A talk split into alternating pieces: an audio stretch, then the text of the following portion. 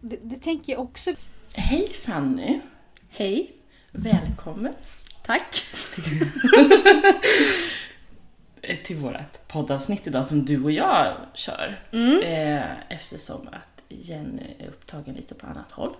Får jag stå för henne istället då? Precis. eh, vi pratade lite om det här. Du har ju ringt mig vid några tillfällen och bett om lite råd. Mm. Och det här tycker jag är otroligt modigt. Mm. Och då har, vi, då har du ringt till mig gällande hur du ska möta människor som du tror kan vara misshandlade. Mm. Eller vara i situationer där de är särskilt utsatta av en partner eller Mm, sådär. precis. Mm. Hur, hur eh, tänker du kring sådana situationer och vad, vad du som vän har för ansvar? Alltså jag tycker det är väldigt svårt. Just för när jag har ringt dig så har det varit personer som jag kanske inte är jättenära. Men som jag ändå har börjat bli en ganska nära relation till. Och sen märker jag att de börjar ta avstånd. Och då har det blivit lite så här, bara, men hur går jag till vida nu? För då vet jag att de ändå har pratat om sin partner. Bara, jag vet inte hur jag ska göra och ja, man är lite så här och lite så här. Och då har jag haft väldigt svårt, hur ska jag möta det? Ska jag bara, "Ja, ja, synd för dig liksom. Eller ska jag liksom bemöta det på något annat sätt? Och det har jag tyckt varit lite svårt och det är just därför jag har ringt dig liksom. Ehm, men eh, alltså jag tycker, alltså just det här med mina kompisrelationer, det har ju varit att jag försöker ändå hålla kontakten. Helt tiden ja men hur mår du, vill du träffas? Sen så vill de oftast inte träffas. För jag vet att de kanske inte får. Men jag försöker ändå säga, ja men bara så du vet, du, jag är ledig. Så vill du träffas, jag träffas ju jättegärna på en kaffe eller åker till stallet eller vad som helst. Du håller lite standby så. Mm, precis. Men eh, hur blir det, tänker jag, för dig? Hur uthållig tänker du att du behöver vara i det då? Eller hur, hur uthållig behöver man som vän vara? För att det, som, som du säger, att man kanske inte får träffa någon. Men det kan ju också vara så att man också tar ett avstånd för att man märker att människor börjar se att den här fasaden börjar krackelera. Eh, och, och då behöver man vara ganska ihärdig som en vän och stå ut i det här. Hur, hur gör du det? Alltså jag, jag är väl alltid så här, jag har väl alltid varit så. Det har väl lite att göra med liksom hur vi är uppväxta, alltså i, i våra familjer. Nu tänker jag både din familj och min familj så har vi alltid varit så här, man ska alltid vara där liksom. Hela tiden, det är jobbigt men man ska hela tiden så här pusha, pusha, pusha liksom så här, var där, visa att jag står här, behöver du min hjälp så hjälper jag dig. Och det är väl lite det jag har haft i baktanken. Ibland så vill man bara, men alltså hon lyssnar inte. Alltså då skiter jag i det här. Alltså jag, jag åker hem, det det där får hon lösa själv. Men sen så bara, ja, men hon kan ju inte lösa det här själv. Då hade hon ju gjort det. Så man får ju hela tiden så försöka påminna sig lite själv om att den här personen kanske inte kan lösa det själv. Eller hon kanske inte ens vet att hon är utsatt för det här. För det är ju också svårt att veta. Mm. Om man är utsatt för våld eller har risk att bli utsatt för våld. Det är jättesvårt. Så jag tror man, alltså jag har väl alltid varit lite så här. Om jag har alltid försökt hålla lite kontakt i alla fall. Mm. Även fast vi kanske inte träffas på alltså, flera månader så försöker jag ändå säga hej hur mår du? Jag vet ju att de har, just den här personen som jag har ringt dig om, har ett ganska stort bilintresse. Så brukar jag alltid säga om det har varit någon så här bilträff så brukar jag, ska ni dit? Det hade varit kul att träffas där och ni kan åka med oss om ni vill och sådär. Fånga upp Precis. Och liksom så här, i, det här, i det här gemensamma intresset så att det blir bekvämt att träffas. För då har ju den personen sin partner med sig. Mm. Och då känner ju den här personen sig trygg i det. För att då ser den här partnern vad hon gör. Men samtidigt så ser ju jag vad han gör. Hur... Eh, vågar du någon gång fråga eh, eller säga att eh, men, men du är ju utsatt för våld? Mm, jag har ju inte sagt det du är utsatt för våld. Men jag har ju sagt det att det här han håller på med, det är inte okej. Mm. Jag har sagt det att när han ringer dig klockan sju på morgonen när du ska upp och jobba och ber dig hämta honom och Tjotahejti och sen inte ens säger tack och spenderar din mammas bil. Det är inte okej. Nej. För han är vuxen. Och just det här att det, det här, den typen av beteende. Ja precis. Det, det, är inte, ja precis. Det är inte en gång det här Nej. har hänt utan det är flera gånger. Och det är inte okej. Mm. Tycker jag i varje fall. Och man märker det på henne då när jag har sagt det att hon nej det är kanske inte okej. Och men då märker jag så fort när jag har sagt det så tar hon ett jättestort avstånd. Mm. Vad tänker du att det beror på? Jag tänker att hon har säkert pratat med sin partner då. Mm. För jag har ju märkt att när jag har ringt henne så är han där så hör jag lite så här att "Åh, jag behöver inte prata med henne. Mm. Gud, prata inte med henne. Lite så. Och det är väl också kanske för att jag, jag är inte rädd för att gå in och ifrågasätta honom. Mm. Jag tänker också det här med isoleringen. Det är ju Mm. en, en del som, som jag tänker du beskriver då ganska Mm. tydligt här. Att du blir lite jobbig om man Mm. sätter inom citationstecken. Och eh, där, där han, han kanske inte vet vad Mm. du har sagt, men han vet att du påverkar henne på Precis. något sätt. Och eh, då behöver han få bort dig Mm. Mm. och tycker kanske att du är jobbig och det blir Det tycker lätt- han, jag vet Ja, det. och det Ja. blir lättare för henne att välja bort att umgås med dig än Mm. att hela tiden svara på hans frågor Precis. kring dig. Då. Precis. Så. För jag vet ju det att när vi har umgått så är jag så här, ja ah, men du jag ska till den här affären, vill du följa med? Mm. Och hon bara, ja ah, visst, här är jätteglad. Så när vi liksom var där, hon bara, gud det här har jag aldrig gjort förut. Jag har alltid åkt hem mellan. Då frågade jag mig varför då? Då bara, nej men han, ja nej du vet. Mm. Ja, vill- Ja precis, hon Vill ville ju inte säga någonting sådär men det var väl såhär, nej men du vet. Mm. Nej jag vet inte faktiskt. Vill du förklara Ja, för mig? lite så. ja, För jag har ju aldrig varit i den här situationen själv. Nej. Jag har ju bara sett andra vara i den här situationen. Mm. Och har pratat också lite grann om det här att eh, vara utsatt för våld. Det behöver ju inte bara innebära att man har en partner eh, som man är utsatt för våld av, utan att det kan ju vara andra också. Mm. Eh, vad tänker du kring det? Alltså tänker du då liksom föräldrar eller kompisar? Ja, jag tänker våld i nära relation, Mm. inte det här oprovocerade gatuvåldet. Mm. Alltså det, det, den har jag lite, alltså jag har ju lite lättare att då att prata om det här familjerelationen. Mm. För jag har, jag har inte varit med och jag har inte sett när det har varit nära relationer till vänner. Mm. Det har inte jag varit med om innan så där har jag inte så jättemycket att säga. Eh, Vad tänker du om våld i familj då? Mm. Alltså det vet ju jag, det har ju vi blivit utsatta för. Alltså i min familj eh, har ju vi blivit utsatt för det. Mycket så här. Eh, ja, när vi var barn. Att så här, att, för jag var inte riktig dotter.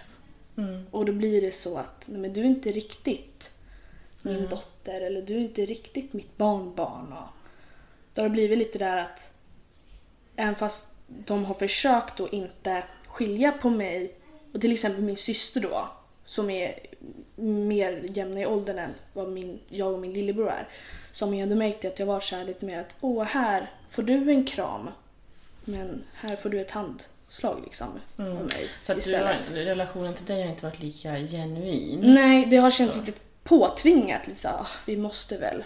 Mm. Lite så. Och det har ju, liksom, det, det har ju att göra med, liksom, det har ju satt väldigt mycket i mig. För jag har inte riktigt vetat när folk är så här, genuina mot mig. Nej. Är de bara trevliga för att de måste eller gillar de mig på Men riktigt? hur har det påverkat dig? Eh, Det har väl påverkat mig mycket när, eh, ja men som när jag har träffat min partners familj till exempel. Då har det varit såhär, ja, jag vet inte. Mm. Alltså gillar de mig eller är det bara för att de måste vara trevliga för att det här är min pojkväns familj liksom. Mm. Det är mina blivande svärföräldrar. Måste de vara trevliga eller gillar de mig? Mm. Nu bor ju jag där så jag hoppas att de gillar mig. det hade varit jättejobbigt annars. situation. Ja. Nej men... Både eh, för dem och för Ja, dig då. jättejobbigt att gå runt. Fan. Men det är ju inte omöjligt. Jag tänker det är Nej. ju många som kanske hamnar i de situationerna Mm. ändå. Ja men så är det ju. Mm. Så är det ju. Och det vet jag att min, eh, min kompis, hon är lite i den situationen. Mm. Men hur kan man komma ur det då? För det där är ju faktiskt ganska intressant. Och, och precis Mm. som du säger, att det blir ju en form av våld även om man kanske Mm. inte tänker på det. Mm. Och, och jag måste faktiskt få säga att det, det har jag aldrig tänkt på Mm. som våld. Mm. Fast det är väl klart att det blir ett psykologiskt våld när man Mm. hela tiden känner att man kommer som nummer två och aldrig Mm, liksom vara den som, som kommer Mm. först. Mm, precis. Men tänker du att det är så att, att du har varit nummer två i det här eller att det är din känsla? Jag, jag tror att det har varit mycket att i början så var det inte så, men det kändes som så. Mm. Men sen så har jag märkt att med min riktiga pappa, Mm. då har det ju varit att det har varit när jag har varit där, så har ju han och hans före detta fru, med deras barn, då har, då har jag märkt att när jag var där utan dem, då var jag number one liksom. Det var så här, att det var jag som fick uppmärksamheten för att då var jag ensam barn. Sen som min lillebror kom, då blev det väldigt mycket det här att, det blev ju fokus på honom för att han var liten, självklart. Men det var, det vill säga, aha, det är samma visa igen. Jag är fortfarande nummer två. Mm. Även fast jag åker till min riktiga pappa som har varit min fristad innan, eller vad man ska säga, att jag har alltid varit den som fick uppmärksamhet. Så blev det igen att, aha, okej. Så jag vill alltid liksom så här, det har väl också satt sig lite med att jag liksom tror att jag alltid kommer tvåa. Mm. Att jag inte är den som, man ringer inte till mig först om de vill ha någonting eller de skriver inte till mig först, vill du följa med ut på en fest? Alltså så. Mm. Och det är väl inte så nu, men det, det känns så fortfarande. Lite om de kanske skriver till min partner. Mm. Ja men vill du och Fanny följa med? Då blir det så, men varför frågar de inte mig? De kanske inte gillar mig lika mycket. Mm. Fast det har inte med det att göra, det har bara att göra med att Då måste de, de är närmare. någon. Ja, precis. Lite så, men det blir ju den här, jaha okej, Mm. ja. Så det sätter sig, det har satt sig ganska djupt har det gjort. Mm. Men det är ingenting Att jag har blir- tänkt på, det är ingenting jag har tänkt på så. Men just när vi pratar om det nu, det är då man säger ja. Då blir det lite tydligt. ja det blir det. Ja. Och det är väl skönt att det kanske inte präglar hela vardagen, men det finns ju Mm. människor som har, har det så där det präglar hela vardagen. För jag kan känna igen mig lite i det där eh, som när jag var en liten flicka. Eh, då kunde min pappa ringa hem till oss. Mm. För att min äldre syster, eller äl- min äldsta syster arbetade med honom. Mm. Eh, och då kunde han ringa hem till oss och sen så sa han bara Hej eh, Pyret då som jag kallades när jag var liten. Hej Pyret, är, är din syster hemma? Mm.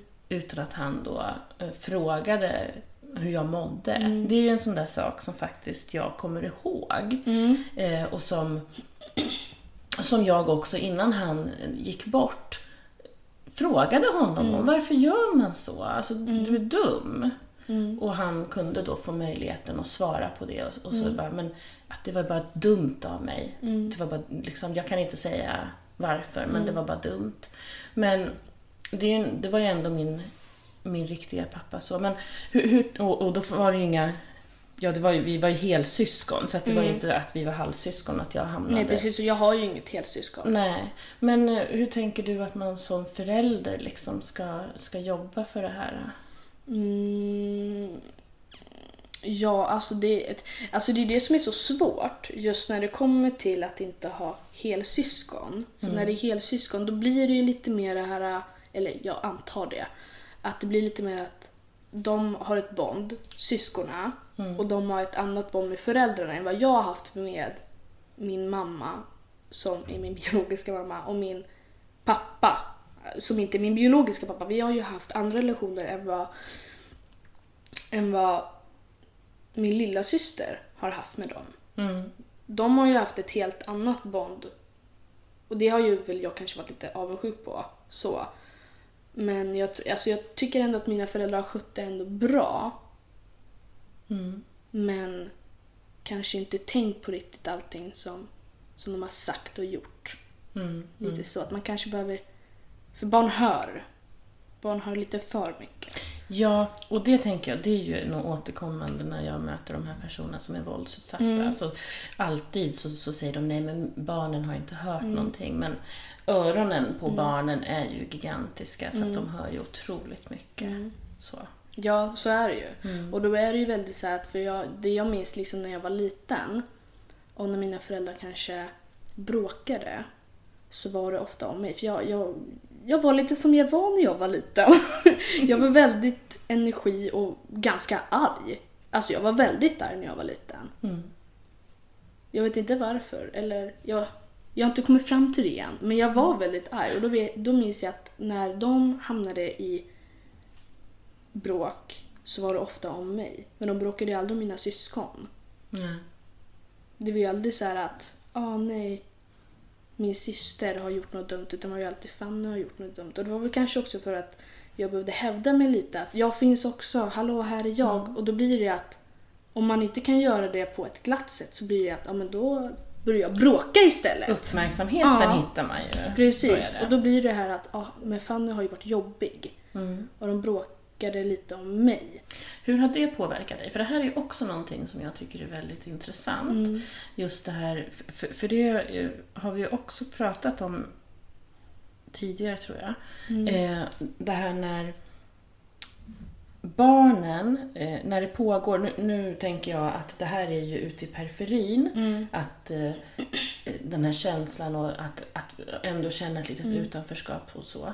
Men barn har alltid en förmåga att ta ansvar för de konflikter Mm. som föräldrarna har. Upplever du att det har blivit så för dig också? Mm, det tyckte I det jag. här att Ja, mm, om jag inte var här, mm. nu. Och då hade de inte bråkat. nej. Alltså det var ju så att liksom att jag tänkte väl inte så att om jag börjar bråka med pappa. Det är liksom så här, jag tänkte då får jag bara uppmärksamhet utav honom lite så. Men sen så när de väl började bråka då var det så här, "Ja, men hade jag inte varit här så hade inte de bråkat och då hade de den här, haft den här lilla perfekta familjen. Mm. Så det var väl också så att, så att jag all, det kändes som att jag var, jag var den dumma som fick dem att bråka. Mm. Kände du så som barn också? Mm, lite så. När, alltså just i stunden Mm. Så blev jag väldigt så här, aha okej men de hade inte bråkat om inte jag var här och det, de har säkert bättre än jag hos min riktiga pappa. För jag var ju där varannat lov. Mm. Jag, de bråkade säkert ingenting då. Mm. Så typ. Fast det kanske de gjorde. Och det gjorde de säkert. Ja. Fast om andra saker. Precis. Nej men det gjorde de ju. Men i min värld så gjorde de inte det. Mm. I min värld så bråkade de ju för att jag var där. Mm. För att det var oftast jag som startade bråken lite grann. Eller det var jag som gjorde någonting som gör att... Som när jag ristade in liksom mitt namn på bilen. Det var kanske inte jättesvårt. Det bråkade ju de om lite Det- senare. Det skulle man ju kunna bli lite Ja. osams om faktiskt. Ja, och jag tänkte hade inte jag varit där så hade ju inte det hänt. Då hade de inte haft någon anledning att bråka. Nej, skämt åsido. Men, Såklart. nej, men det har väl varit lite där att ja, men det har varit jobbigt. Har det. Mm. Men är det jobbigt fortfarande? Eller har du distans till det? Nej, jag har väl inte liksom... Jag har inte tagit helt distans ifrån det. Nej. Men jag tänker inte på det vardagligen. Nej. Utan det är bara de här när man inte kan sova. Då är det så här, mm, då ligger man och grubblar lite. Men jag har, jag har ändå liksom så här kommit ifrån det där lite grann. För nu har ju vi, alltså nu har jag och min pappa en helt annan relation än vad vi hade då. Nu har vi en jättefin relation. Mm. Tycker jag i varje fall. Mm. Och det har vi kanske att göra med att, att när jag blev tillsammans med min partner för sex år sedan så blev det ganska snabbt att jag flyttade dit. Och då blev det väl lite här att då tog jag distans ifrån dem och det är det jag tror som har räddat vår situation. Mm. Tror jag. Fast då handlar det fortfarande om att du har varit där och varit ett problem då. Ja, lite sätt. så. Problem då, Ja, lite sätt. så. Ja.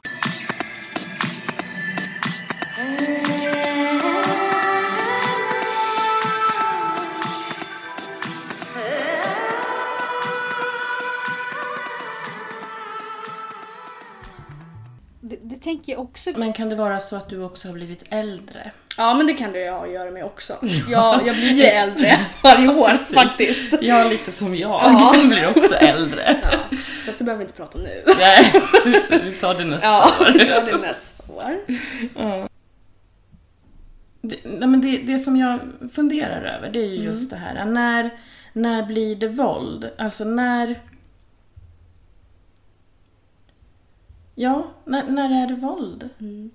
Alltså jag tänker så här, när det är våld, det är väl när personen som blir utsatt för någonting börjar må dåligt och börjar liksom tänka över att jag kanske inte borde bete mig så här, jag kanske inte borde ändra sitt mönster i hur de vanligtvis beter sig. Mm. För då har ju de ändå blivit lite manipulerade om man får säga så. Att liksom att du måste ändra på det för det duger inte. Och då blir det den här att då ändrar ju de sin självbild av sig själv Mm. till vad någon annan vill att de ska vara. Mm. Och då blir ju det skadar ju väldigt mycket. Mm. Det gör ju det. Även fast man inte kanske tänker eller känner så just då.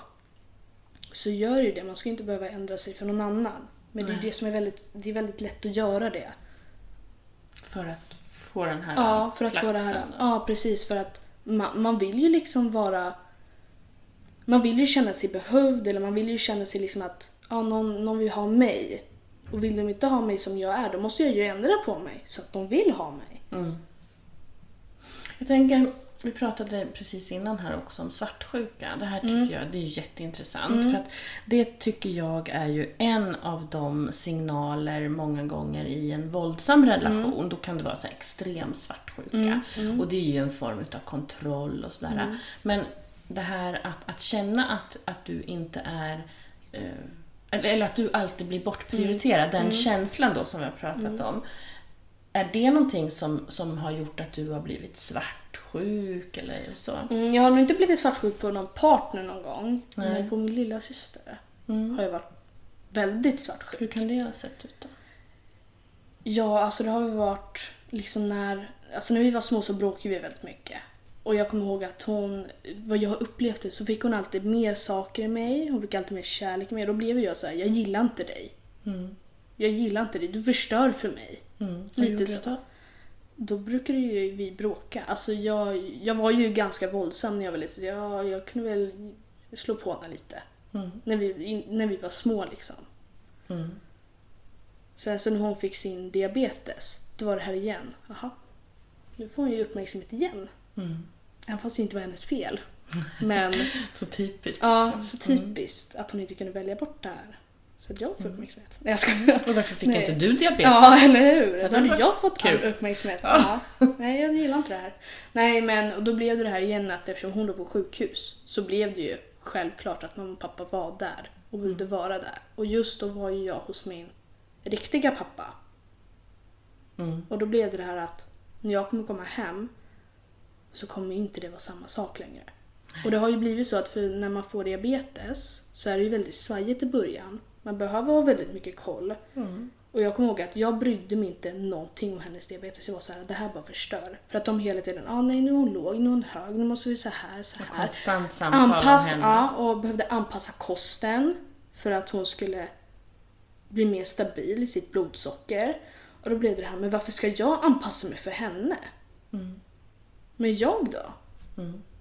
Ska inte jag få äta glass när jag vill? Hade de kunnat gjort något annorlunda här? För, för det tänker jag, det här blir ju en fälla.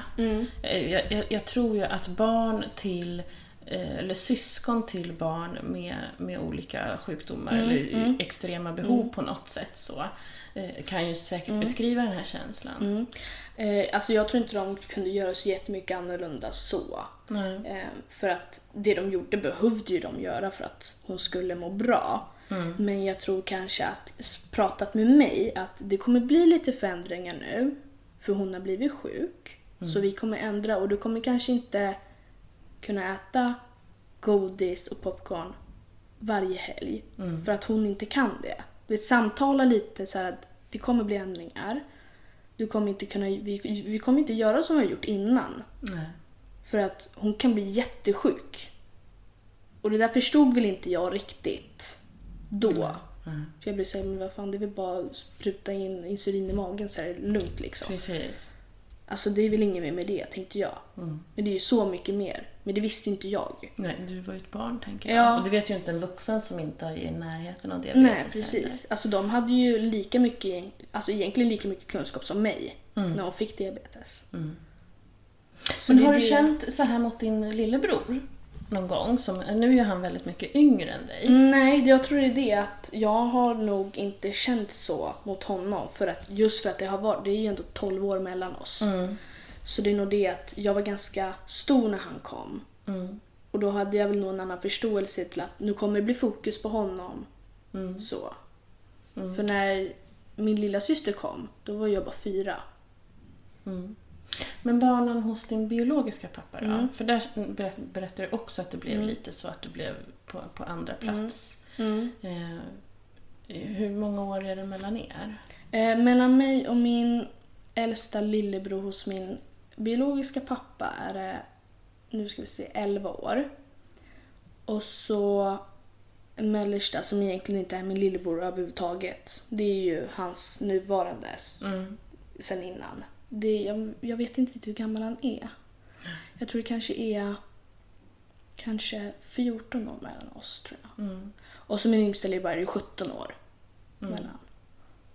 Men hur, eh, hur hanterade du liksom det? Eh, Eller egentligen inte hur du hanterade det, utan hur kunde de ha hanterat att du inte kände så? Mm, alltså, jag, alltså jag tror att de... Min pappa tror jag inte skulle kunna göra så mycket annorlunda. Det handlar nog mer om hans fru. Mm. Dåvarande fru. Att det blev lite så här att... ehm, för hon har alltid varit lite så att jag är inte din mamma. Hon markerade det väldigt mycket. Jag kommer ihåg när vi var i affären när jag var liten och så råkade jag Mamma, kan jag... Och hon bara, jag är inte din mamma. Verkligen så här markera, jag är inte din mamma. Och jag bara, jag vet att du inte är min Jag mamma. Ja precis, det är likadant när man satt i klassrummet och råkade säga mamma till sin lärare. Mm. Alltså det bara, det bara liksom blev så. Jag vet ju att hon inte är min mamma och jag brukade ju inte kalla henne mamma. Så heller. Men det bara blev så och då, då minns jag att jag blev så här: okej. Jag har alltså ingenting med henne att göra. Mm. Det blev verkligen så här, jag är bara jobbig för henne. Så då när min lillebror kom, då blev det att hon var väldigt uppmärksamhetssökande av min pappa. Att det var så här att han måste passa upp på henne lite grann. Mm. Och då blev det att om hon satt där och ammade, jag behöver det här, jag behöver det här, han behöver bytas, blöja på, bla bla bla bla bla. Då blev det så här att han gjorde det. Och det är väl också så liksom, för det är spännande att ha ett nytt barn och man vill vara där och man vill se den utvecklas. Och så kommer jag dit och sitter där på soffan och bara, men jag då? Mm. Det blir ju lite så. Mm. Och du var ju där inte som stadigvarande boende, Nej, utan precis. du var ju där som, som umgängesbarn. Mm. Och då tänker jag vad man kan ta med sig som, som Mm. förälder om man lyssnar på det här, är väl kanske då att så, har man ett umgängesbarn som kommer så är det inte fel faktiskt att skämma bort dem lite Mm. Nej precis, här och det var ju det perioden. som hade gjort det innan. Min pappa hade ju gjort det lite innan. Det var, alltså jag kommer ihåg det bästa var ju när jag åkte ner till pappa. För vet jag, då kan du ju få choklad på den kanske mitt i veckan. Alltså sådär lite grann. Och det var ju såhär, vi tittade ju alltid på film och myste. Sen så kom ju min lillebror och då blev det så här, han kunde inte sitta uppe sent på kvällarna. För att de hade ett barn att ta hand om. Ett litet barn. Mm. Precis. Inte ett 11-årigt barn.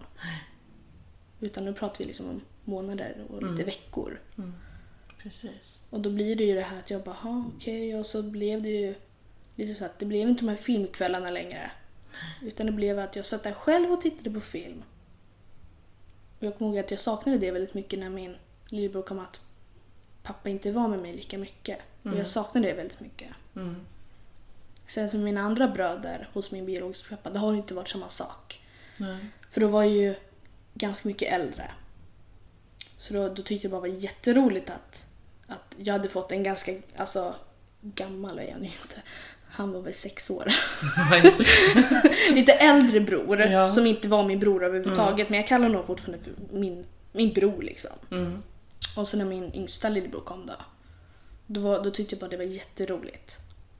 Kommer jag ihåg. Jag var såhär, shit jag är 17 och jag ska få en lillebror. Det, var här, det var lite märklig känsla. Du är lite vuxen och får Ja. en, ett syskon. Ja, och då blev det ju så här, då, då blev det ju att när vi var där, eller när jag var där, då hade vi flyttat ner till Stockholm så då kan jag ju åka dit lite mer. Men då blev det ju så att när jag var där, då var det att jag tog lite distanser från pappa och ville gärna vara med min lillebror. Och då tror jag att han blev så här, men jag då? Lite ombytta Ja. roller. Lite så. Det är ingenting jag tänkte på då. Men jag tänkte på det lite efteråt. Nu är ju min lillebror lite äldre. Mm. Han är ju fyra nu. Men kan du känna fortfarande att du, inte då kanske gentemot din lillebror här Mm. då, men mot eh, dina andra syskon, att du kan känna ändå att, att du fortfarande kan hamna på andra platser? Eller är den känslan borta idag? Mm. Den är väl inte kvar så markant. Nej. Alltså det, det är inte så att den är liksom där hela tiden. Men jag vet ju till exempel om som när min lilla syster kanske hade något så här äh, problem med diabetesen i skolan, då fick hon gärna skjuts. Mm. Men jag fick aldrig skjuts. Inte så. Men jag kan tänka mig att det har varit väldigt mycket omvända roller också för henne. Att hon har känt sig väldigt avundsjuk på mig innan hon fick sin diabetes. För då var det ju att jag åkte väldigt mycket på utredningar. Varför jag var lite som jag var. Varför du är konstig. Ja, varför är jag konstig? Nej men så vi åkte ju väldigt mycket till sjukhuset. Så jag kan tänka mig att det har varit väldigt mycket ombytta roller och det kanske är därför vi bråkade väldigt mycket för att hon kanske var lite avundsjuk på mig och tyckte att våra föräldrar gav för mycket uppmärksamhet mot mig Mm. och jag tyckte tvärtom. Så jag tror det kan också spela det in att vi har bråkat väldigt mycket. Mm. För det kan jag tänka mig att eh, om, om vi tittar då, jag har ju ett barn. För vi kan säga så här då. Du har ju, du har ju diagnos. Vi behöver Jag inte gå in jag närmare. har tre. Ja, det, är, det är ganska många. och jag har ju ett barn med diagnos. Mm.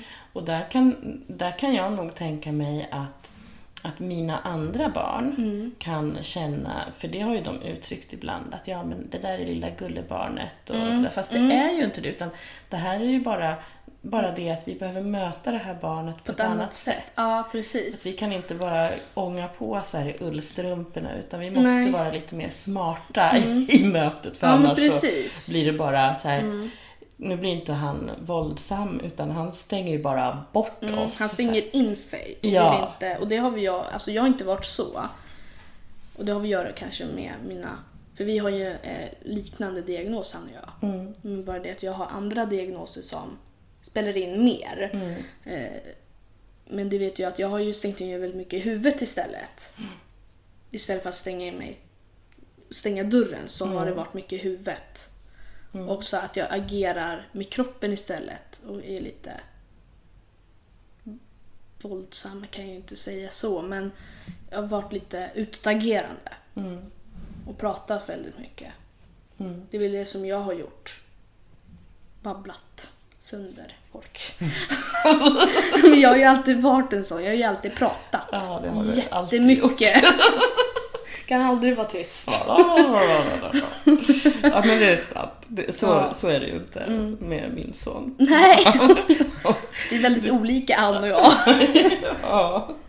Men, men det är väl klart att som du säger att det kanske hon har varit avundsjuk och svartsjuk på dig. Absolut. För det är det, hon har ju istället varit, även fast hon inte har en diagnos vad vi vet om. Vi har inte utrett henne för någonting, vad jag vet i varje fall. Eh, Men hon har ju alltid varit lite tystare. Mm. Så hon har väl kanske haft lite svårt att Hej pappa, hej mamma, nu, jag saknar dig. Nu vill jag ha uppmärksamhet. Så jag har varit så här, hallå, Mm. ge mig uppmärksamhet. Se mig, hör mig. Liksom sådär. Mm. Jag har ju alltid tagit för mig lite mer än vad hon har gjort. Men jag funderar på det här med, eh, med vänner också. Eh, som vi började samtalet kring. Det här med hur närmar man sig samtalet om våld Mm. med vänner eller med familj också? Ja, alltså hur jag började samtalet med, med min vän det var ju att jag liksom lite försiktigt frågade men om du gör så, hur brukar han reagera? Alltså lite mer så här, vad- bara så här, alltså hur, hur brukar han reagera? Och så säger hon och jag bara okej, ja för min kille han reagerar så här. Att jag liksom så här jag, jag tar ju in min pojkvän då väldigt mycket i det här att Mm. för att Ge exempel Ja, och belysa precis. någonting. Då. Ja, precis. Och då vet jag att vi har pratat mycket om det och så hon, aha, men det kanske är så man ska vara. Jag bara, alltså jag är inte den som ska sitta och säga hur, hur din partner ska vara liksom. Mm. Eh, men det här har funkat jättebra för mig och min kille. Mm. Att jag liksom försöker neutralisera allting och inte säga, ah, men vet du vad, din kille är dum i huvudet. Han får inte behandla dig sådär. Går man på för hårt så tror jag att det blir, men hallå ursäkta, det är faktiskt min pojkvän du pratar om. Mm. Såklart. Ja. För någonstans så, så älskar ju hon den här personen och det är väldigt sällan som en person bara är svart. Mm. Man har ju fina stunder Så är det ju. Och jag har ju träffat den här personen, den här killen. Och han är väldigt... Han, han är blyg, men han, han är snäll. I varje fall mot mig. Mm. Men jag vet ju att även när jag har varit i hans umgänge så har han sagt väldigt dumma saker. Mm. Jättetaskiga saker som jag is- alltså på en gång har frågasatt. Gör du det där och då? Ja, på en gång. Vad händer då? då? Då blir han eh, lite... Vad fan säger du? Ifrågasätter du mig? Och går. Och hon stannar kvar och vet inte. Ska jag stanna? Ska jag gå? Ska jag springa? Var, var ska jag? Och då säger jag, men kom vi går hit istället. Mm. Och så frågar jag henne, tyckte du var dumt att jag gjorde så? Hon bara, nej, alltså det är skönt att någon säger åt honom att det inte är okej. Och då frågar jag, men varför gjorde du inte det själv? Jag såg ju på dig att du blev lite ledsen när han sa så. Hon bara, ja men han blir så sur. Använder han humöret då? Det gör han. Som en markör? Jättemar- ja, Mm. jättemycket. Pratar inte. Har Stänger du- väldigt ute. Har du haft eh, någon väninna någon gång som har visat tendenser till att vara våldsam? Alltså där du har, har tänkt, men gud vad taskig hon är mot sin kille. Nej, inte så. Eh, inte att hon har sagt saker. Men väldigt mycket det här... Ja, men han svarade inte mig på fem minuter. Alltså då kommer jag vänta. Han, han, han måste också veta hur det känns att vänta. Man bara, men Att varför ni ska svarar du? lite. Ja, men varför svarar du inte på när du ser det? Mm. Alltså... Det blir mycket enklare. Så det är inte just det att den, alltså min vän då har sagt Gud vad ful du är. Nej. Inte sådana saker, men väldigt mycket så här att... Ja, men väldigt psykiskt så här att... Nej men jag, jag, jag tänker inte liksom... Jag är kvinna, jag är stark och bla bla bla bla bla. Du är sådär och... Ni karlar, ni har alltid varit så här. Så jag tänker inte backa. Mm. Nu är jag tillbaka med samma mynt. Mm. Och det kan ju bli jättefel. Absolut.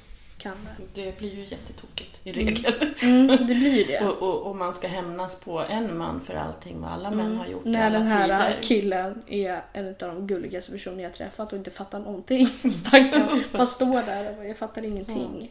Han får straffas för allt sen Ja. Gustav Vasas tid. Ja men typ. Så. Herregud det är allt hans fel.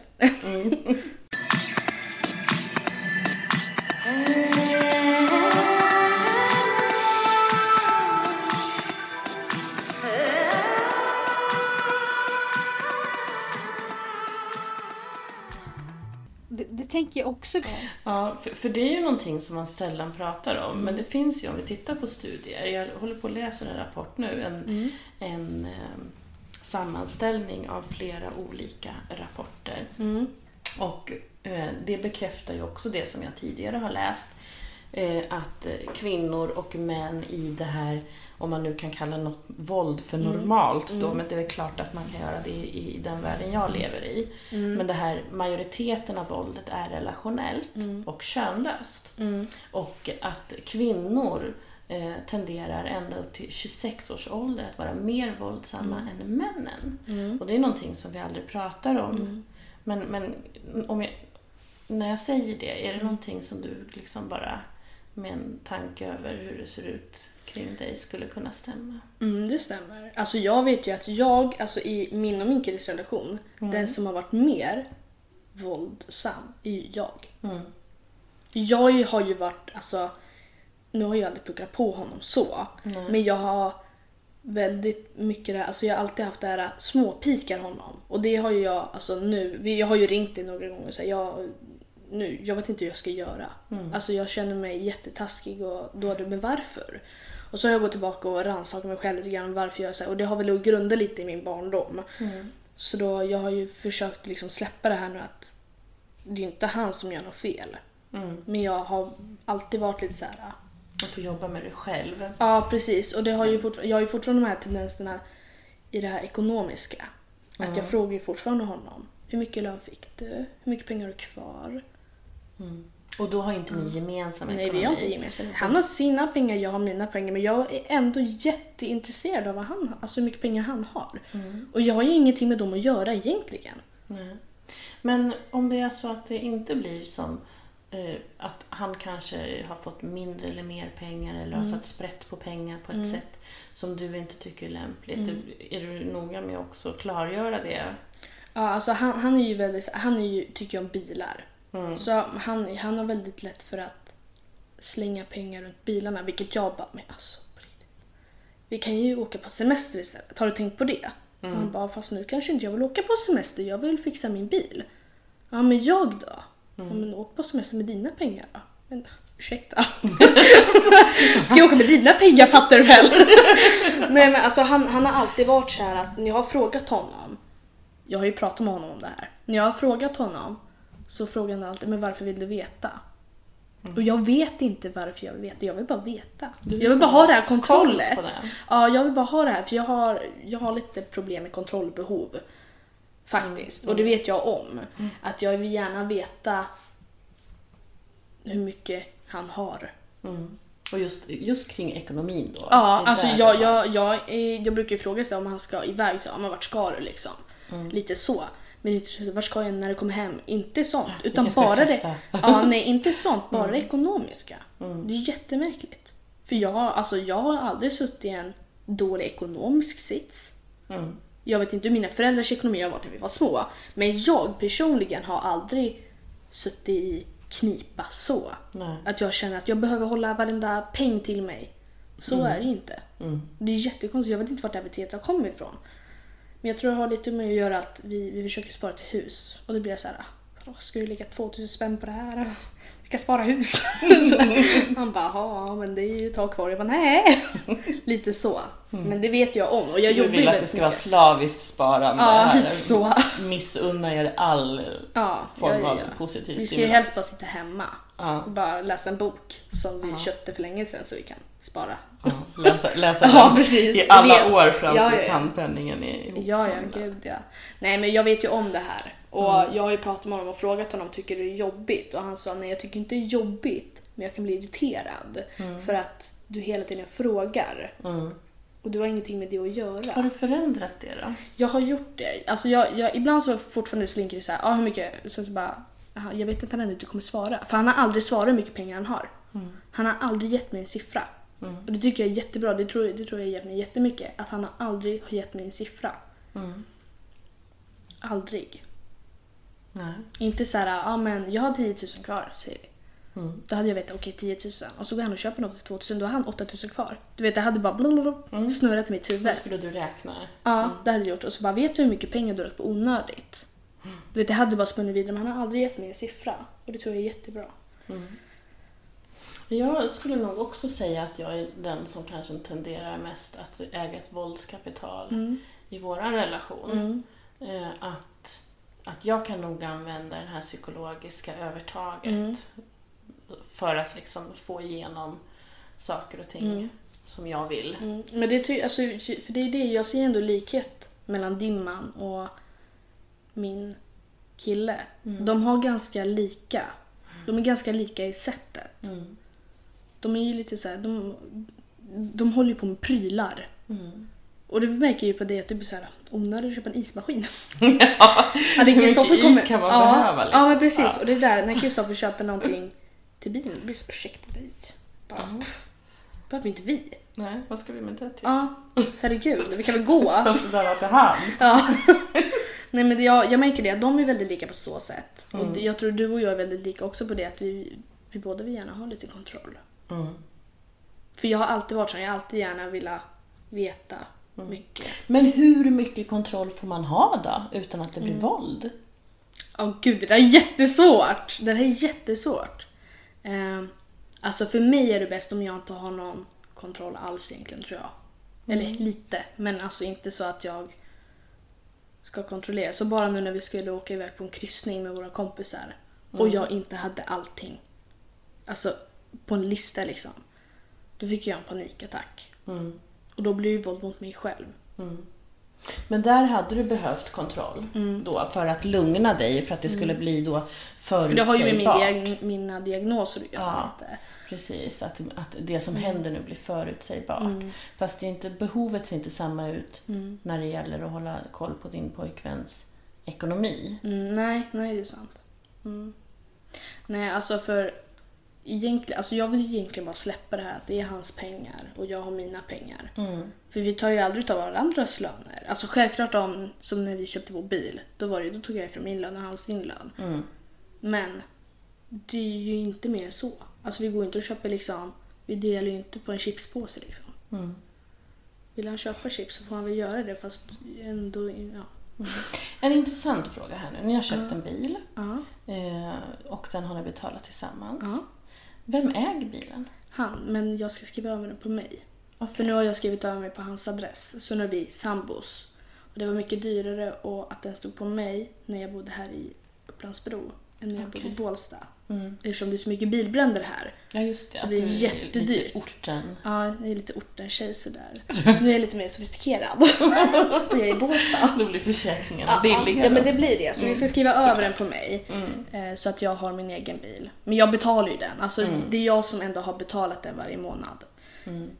Men den har bara stått på honom. Mm. För det här är ju också en sak som jag tänker är intressant och som man inte tänker på. Mm. Att när man kommer in i en relation Mm. eh, och man är kär och man köper saker. Nu har ju ni varit ihop i sex år Mm. så jag tänker inte att det här gäller er på Mm, det sättet. mm. Men det är väldigt lätt att hamna i det.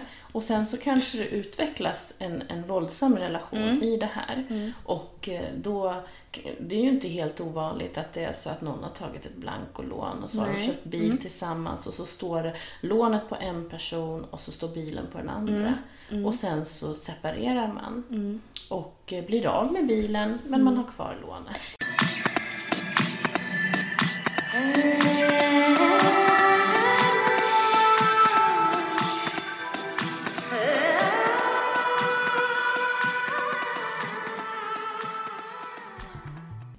Tänker jag också. För det var väl lite det som hände för min, min kompis. Eh, som jag pratade lite om innan. Mm. Att eh, de köpte en bil tillsammans. Den stod på honom. Men hon, hon har inte sagt det men jag, jag, jag förstod ändå när de pratade att hon har betalat lite mer över hälften. Mm. På en bil som hon inte får köra. Sen så nu blev han av med sitt körkort. Så då ställer de av bilen. Hon har körkort. Hon har körkort. Mm. Men hon får inte köra bilen. Varför får hon inte det? Vet du det? Ja, för att när hon var ungefär 15 år, när de träffades, så skulle hon backa med hans moppebil och råkade backa ner i ett dike när det var kolsvart ute. Så därför får inte hon köra deras bil som hon har betalat hälften på. Mm. Och det sa jag, men det är ju inte okej. Hon har ju uppenbarligen klarat en uppkörning efter det om hon Ja. har körkort. Det har hon. Mm. Och sen har hon blivit lite äldre. Mm. Och så sen så, hon har ju inte krockat en bil, vad jag vet om. Alltså, Mm. hade hon gjort det så pass så hade hon velat vara med körkortet. Mm. Hade hon varit en förare för trafiken så hade hon ju inte haft sitt körkort. Nej. Vad händer? Vad gör det med en då? Alltså hon blir ju jättebegränsad. Mm. Hon blir ju det. Så här, för nu så sålde hon sin bil och skulle köpa en ny bil. Jag blev, men jag har ju en bil. Men den är avställd. Ställ på den då. Nej, men eh, han har ju inte sitt körkort så det känns onödigt. Ja, men hur ska du ta dig till och från jobbet då? För nu är det ju faktiskt så att hon skjutsar ju honom till jobbet också. Nu när inte han har körkort. Istället för att ta tåg och buss i 20 minuter Mm. så skjutsar hon i 20 minuter istället. Mm. Eller 40 minuter blir det för henne då, fram och tillbaka. tillbaka, precis. Mm. Och då blir jag så här. äh, De har en bil som de inte betalar på. Alltså de betalar den fast den är avställd. Mm, så att de kan ställa på den sen när han får tillbaka sitt körkort. Jag, alltså det, det är någonting jag inte liksom förstår. För om det hade varit att jag och min kille köper en bil och han skulle vara med körkortet. Vi hade ju inte ställt av bilen för det. För jag behöver ju ta mig. Ja, precis. Alltså, ska jag bli isolerad för att han har varit oansvarig? Mm. Så det pratar vi väldigt mycket om. Om min och min killes relation och henne och hennes killes Mm. relation. Och hon märker att oj, det här är jätteskillnad. För hon, han är ju skriven hemma hos henne, hemma hos hennes föräldrar. Och det tror jag också är lite jobbigt. Jag tror Mm. inte det är så bra för henne egentligen. För det blir svårare då att säga ta den här grejen och dra. För Ja. han bor ju där. Han har ju rätt att få komma dit så Precis. länge han är skriven där. Precis, och det tror jag är jättesvårt. Och det tror jag är jättedumt. För det, jag frågade Kristoffer under flertal tillfällen, jag bara, tycker du det är okej att jag skriver över mig på din adress? Han bara, ja. Du har ju ändå bott här typ i sex år. Mm. Så det är väl kanske dags. Han trodde att jag hade gjort det innan. För jag sa det, jag bara, men om det skulle bli att vi gör slut. Då är det ju ändå så här, jag måste ju ändå komma hit och hämta mina grejer. Han bara, ja men det, det tar vi väl eventuellt då. Mm. Han bara, det kan vi inte ta nu. Nej, precis. Det är Om inte jag planerar att göra slut med honom, men det gör jag ju inte. Där ska jag. oj oj. Försade mig, Nej, men förlåt. det är bra att ha tankarna ändå. Liksom, hur Mm. blir det här? För det tror jag att man behöver ha lite mera. Mm. Att, eh, för det är ju också någonting som jag tänker blir ett problem är ju när man faktiskt bor ihop. För att då kan du inte, du kan inte utestänga någon från ditt hem. Nej. Eller från sitt hem. Mm. Det är så. Precis, för nu är ju mitt hem där. Mm. Alltså jag får ju min post dit. Mm. Och du har rätt att komma in där Mm. så länge du bor där. Mm. Så, så att eh, det, är ju, det blir ju problematiskt att Mm. göra sig av med en person då också. Precis, för det blir ju så att om jag och min kille nu hade gjort slut. Då vet ju jag att han hade ju inte bara låst dörren, du får inte komma in och hämta dina saker. Han hade ju troligen hjälpt mig att packa Mm. och säga lycka till. Medan jag vet att hennes partner hade nog inte gått, tror jag. Nej. Jag tror att bara för att så hade han nog stannat kvar och bara, men jag bor ju här. Mm. Mm. Jag har rätten att vara här. Mm. Att liksom hålla sig kvar Mm. i. Men det här är också ganska intressant då eh, om de bor, eh, om, om, nu ska vi inte snöa in bara på dem så, men Mm. jag tänker att när man bor då hos sina föräldrar Mm. och det förekommer en våldssituation, Mm. som jag tänker ändå att du ger många exempel på Mm, att det mm. faktiskt är en våldssituation. Mm. Eh, hur hur, hur liksom kan man gå förbi det eller hur, hur som förälder Mm. då i det här? Jag har jättesvårt att förstå det. Jag har jätt, alltså jag... När jag frågar om hur han beter sig hemma, han beter sig likadant överallt. Och då säger jag, men ser inte dina föräldrar det? Nej. Fast det gör de. Men jag tror att de kanske är lite rädda för att börja bråka med dem och så kommer nu tar vi vårt pick och pack och drar. Mm. För när de fortfarande är hemma så vet de ju att han kan ju i alla fall inte puckla på henne för då Nej. ser de det. Då har de lite koll ändå Precis, på det här. Mm. precis. De har nog lite koll. Mer koll än vad hon tror. Mm. Eller jag vet att de har det. De bor ju under samma tak. Nej. Så det känns ändå bra att de bor där och inte någon annanstans. Mm. Faktiskt. Mm. För bor de själva då är det ju ingen som har någon form Nej, av kontroll. för det är ju inte så att grannarna går och knackar på. Hej, hur går det här? Mm. De gör inte det. Vi är ju svenskar. Alla stänger sig inne då. Mm. Låtsas som ingenting. Tyvärr. Mm. Precis. Mm. Sen kan det ju finnas risker med att man som granne går och knackar på Mm. om det skulle vara en våldssituation som Mm. man hör. Men generellt gör ju folk inte det. De skriver Nej. på Facebook. Ja. Oj, jag hörde något där min granne. Det lät lite konstigt. Vad ska jag göra? Mm. Ring polisen. Det kan vara en bra sak Ja. Faktiskt. Man kanske inte ska gå och knacka på alltid. För man vet inte vad det är för någon som bor där inne. Det kan ju vara någon jättefarlig person. Ja, Och sen så eh, tänker jag att garanterat så kommer den här personen som är våldsutsatt straffas för det. Mm. Ja, gud ja. Nu har du låtit för mycket Ja. här. Du har gjort att det här väcker uppmärksamhet. jag, jag har flera berättelser där, eh, i de här fallen i alla fall, för, framförallt från när jag arbetar på kvinnojour, Mm. eh, där kvinnor har blivit släpade i håret liksom, runt om i Mm. Lägenheten och samtidigt så har de Ja. fått lite slag tilldelade i ansiktet och så. Och så har de gråtit. Mm. Eh, såklart, för att det gör ont, man är ledsen, man är förtvivlad. Man kanske inte vet. Man vet inte vad man ska göra. Nej, man, man, Man är lite hjälplös. Jätteledsen. Och sen så får de lite extra stryk för att de gråter. Mm. Så att jag tänker att det ska man ha i beaktande. Mm. Att eh, är det så att man, att man skapar uppmärksamhet Mm. och blickarna mot sig, då, då kan det faktiskt öka risken Mm. för våld. Så. Det här kan inte jag säga med evidens i ryggen, utan Mm. det kan jag bara säga med de våldsberättelserna som jag har hört. Och det är ju ett antal våldsberättelser Mm, det är genom åren. Mm. Ja. Men så är det ju. Alltså jag tycker det här med våld är så himla... Det är svårt. Mm. Har du någon gång varit våldsutsatt i din relation? Nej. Eller inte vad jag vet om. Inte, inte fysiskt. Det har jag inte varit. Sen så vet jag inte. Jag tror inte jag har varit utsatt psykiskt. Nej, det har du säkert inte det. För Det det, har jag brukar inte. man Jag ju tror inte i jag efterhand det. åtminstone kunna reflektera över. Nej, alltså jag har väl så här, ibland så bara, nej men nu har jag blivit utsatt. Fast det kanske bara att vi har bråkat och jag blivit lite ledsen. Och det är ju inte att jag har blivit utsatt för våld. Det är bara Nej. att vi har bråkat. Mm. Men inte i den här relationen i alla fall. Mm. Sen så i min förra relation, vi, vi var ju inte bra för varandra. Mm. Vi var jättebra som vänner. Men vi, vi båda tryckte väldigt mycket på varandras punkter. Mm. Lite för mycket så att det blev att man gick runt och hade lite ont i magen. Mm. Och det kan man väl se som att ni kanske gjorde våld på varandra. Mm, men då var ju vi, alltså vi var ju så unga. Vi var Mm. bara 14 då. Så jag tror inte vi hade förstått det här att vissa saker kanske man inte gör eller vissa saker kanske man inte säger. Även fast ibland så kan jag vilja att min kille bara, bara håll käften, dra härifrån. Nu Mm. gör ju inte jag det. Men ibland så blir man ju så här bara, herre, alltså man blir så trött på dem ibland. Mm. Absolut. Så man bara vill, ja. man blir så här, Ja.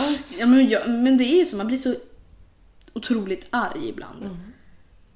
Men man vet ju att man puttar Och inte på ilskan, någon. ilskan är ju ändå en grundkänsla för Mm. oss och den bor i oss och den har vi med oss. Den kommer vi få med oss hela livet. Mm. Men ändå så måste vi ju lära oss att hantera den Precis. och göra någonting Ja. Mm. vettigt utav det då. För, för ilskan tänker jag också kan ju vara någonting som driver saker framåt. Mm. Så absolut, det kan ju också bli en positiv del. Så.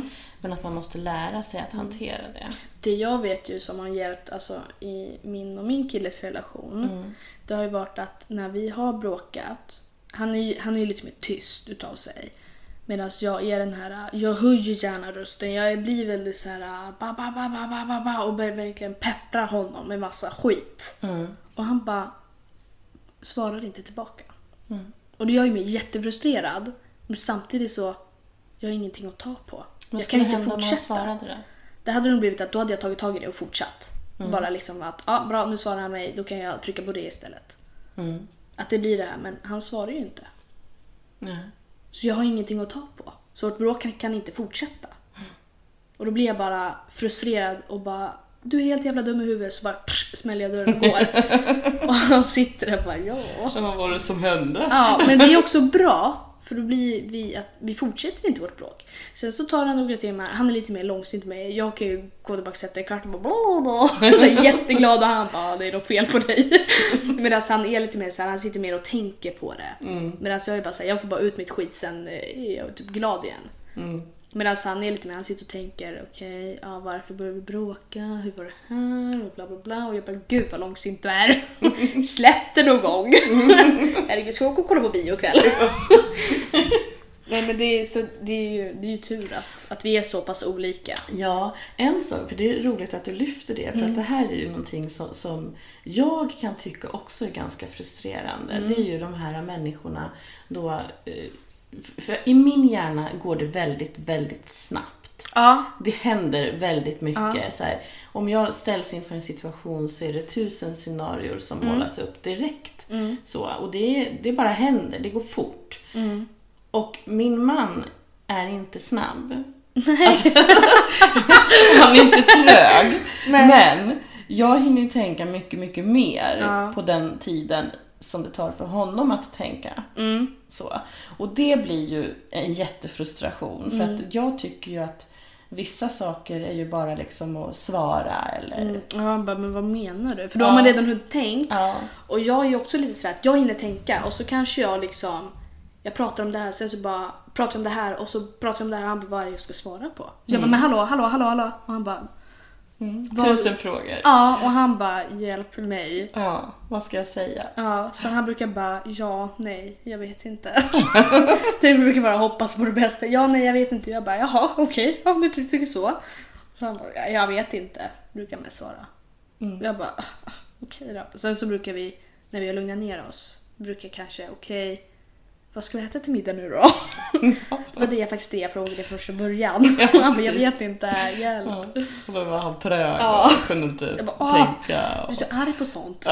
Ja, så bara, men det vill bara svara. Han bara det är inte så lätt. Jag vet inte vad jag Mm. vill. Så jag vill ha spaghetti. Bara, men det åt vi igår. Kan han inte svara rätt heller. Nej precis, det är det som är problemet med, med min karl. Han svarar ju aldrig rätt. Det är jättejobbigt. Jag vill ju ha kinamat men han måste ju lista ut att jag vill ha kinamat liksom. Mm. Annars, annars blir det jätte... Ja gud, alltså jag, jag hade ju aldrig kunnat vara tillsammans med en kille som är som mig. Nej. Då hade det nog blivit att vi på riktigt började slå varandra. Mm, mm. Det, Det- skulle kunna vara så i, Ja. i min... Det, kanske inte nu idag. Nej, men om du... Men I om jag min var yngre, ålder. ja, om Ja, jag var yngre så absolut. För det är ju det att, alltså, jag vet ju många gånger om jag står och vi har bråkat och jag är fortfarande lite arg över det här så står jag och håller på med någonting som inte riktigt, om vi säger att jag står och hänger kläder till exempel Mm. och så vill den inte hänga, då kan jag bara ta den och sula in den i väggen. Och hade det varit en kille som är lika hetsig som mig Mm. och verkligen pepprar på lika mycket som jag gör. Det hade nog inte varit en klädhängare som åker in i väggen. Det hade nog varit min knytnäve mot hans ansikte och tvärtom. Tror jag. Det skulle ju kunna Mm, vara så. det tror jag. För, för det är ju det som jag tänker att vi behöver lyfta mer. Det är ju faktiskt att det är det här relationella våldet. Det handlar om frustration. Eh, det, att när orden tar slut tar nävarna vid. Det ordspråket är gammalt och eh, det är definitivt inte passé. Nej. För det är så och det är som, som studier visar också att det är faktiskt så det ser ut. Och därför tycker jag att det är jätteviktigt att vi tänker på det. Än att vi gör det till en mans eller kvinnofråga. För så är det inte. Nej, och, och, och jag vet att det är många som säger att ja, fast kvinnor de eh, är mer våldsutsatta. Ja, de är inte mer våldsutsatta men de skadas mer av våldet som de utsätts för. Det beror på hur man ser på våld. Ja. Ser man bara våld som fysisk våld så är det ju generellt kvinnor. Men ser man psykiskt våld så är det generellt män som blir utsatta. Ja, och man tittar också på, på det här med eh, hur, man skadas. Män är starkare än kvinnor. Kvinnor tål inte lika mycket stryk, generellt sett. Och sen, men, men det är ju inte majoriteten Nej, av det får man ju inte glömma. Nej, och vi behöver prata om alla eh, de situationer som skapar nya våldsutövare, tänker jag. De här, ja men ni skaffar barn i framtiden och ni fortsätter, eller fortsätter, nu tycker jag inte att ni har någon allvarlig våldssituation. Men om man, om man fortsätter med de här negativa beteendena, så då blir det ju lätt att man skapar en ny våldsutövare. Precis. För att man inte har strategier själv. Så. Så Men det, det är det jag tycker är lite bra i den relationen vi har. Att även fast jag kan vara väldigt kontrollerande över pengar mm, så besvarar han inte det. nej. Han gör ju inte det. Och det tror jag är bra att han inte gör det. För han känner ju mig så pass mycket att han vet ju att jag inte skulle ta hans pengar så. Mm. Jag hade ju inte gjort det. Alltså jag hade ju inte tagit hans pengar och här har du fem kronor så du kan köpa en glass liksom. nej. Det är inte så men vi har pratat så här om varför jag vill, vill ha kontroll. För han, han har ju inget behov av kontroll över mig. nej. Så varför skulle jag vilja ha kontroll över honom? För vi lever inte i en sån situation där vi behöver, eller behöver, nu gör jag så här situationstecken, eh, men vi behöver ju inte ha nej. Kontroll Precis. över varandra. Jag tänker, du är medveten om det och du är medveten om att det Och jag kan vet ställa att jag till behöver, problem. ja, och jag vet ju att jag behöver jobba på det. Mm. Och det är väl det som är lite nyckeln, att jag vet att det här är någonting som, Mm. som sätter lite käppar i hjulet. Men Precis. han vet också om att jag vet om. Mm. Att du kämpar med det Ja, här. jag kämpar och inte frågar saker om hans ekonomi. Men jag gör det. Jag, jag tänker väl, det som nu när det blev löning, då blev jag så här. Hmm. Men jag, nej, jag backar. Mm. Bra. Inte rota rätt på hans bankdos. Nej, nej det gör jag bara, inte. tick. Ja. För då har man verkligen Då har man klivit över en gräns. jättestor gräns Ja. har man klivit över då. Men, Ja, men du. ja. Eh, vi kommer att behöva avrunda. Mm. Men jag tycker att vi har haft ett väldigt intressant samtal. Det tycker jag också. Jag tycker det är intressant med våld, samtidigt så tycker jag det är lite läskigt. Det är det. Mm. Det är... Det är ett tungt samtalsämne. Ja, och komplext. Och sen tänker jag att det bor i oss Mm. allihopa. Mm. Så att vi behöver ju kanske fejsa det. Ja, lite Eh, så. och våga erkänna kanske våra egna våldstendenser också. Mm. Så. Vilket man ogärna gör. Ja, det är Så. inte det så. Här är jag, är den här. Både gillar jag och Ja. motsvara. Så här gör jag när jag använder våld. Ja, nej men det är ju så. Man vill ju inte gärna... Man vill ju inte rannsaka sig själv egentligen. Nej. Man vill inte det. Mm. Ja. Men det var spännande det här. Ja. Jag var lite nervös men det släppte ganska Ja, snabbt men det släpper faktiskt. bara man ja, kommer igång och börjar prata. Precis. Så. Mm. Eh, och eh, det här kommer ju ut nu på onsdag. Yeah. Spännande. Mm. Mm. Tack Kommer jag få jättemycket samtal. Vad fan har du sagt? Äh, nej, jag skojar. Prata om mig! Bara, va? Jag bara nej gud det var en annan. nej men eh, Ja. man har inte nämnt några namn. Nej. Och tack för att du var med. Ja tack för att jag fick vara med. Jag blev väldigt smickrad när du frågade faktiskt. Mm. Det blev jag. Jag Klokt. blev jätte, jätteglad.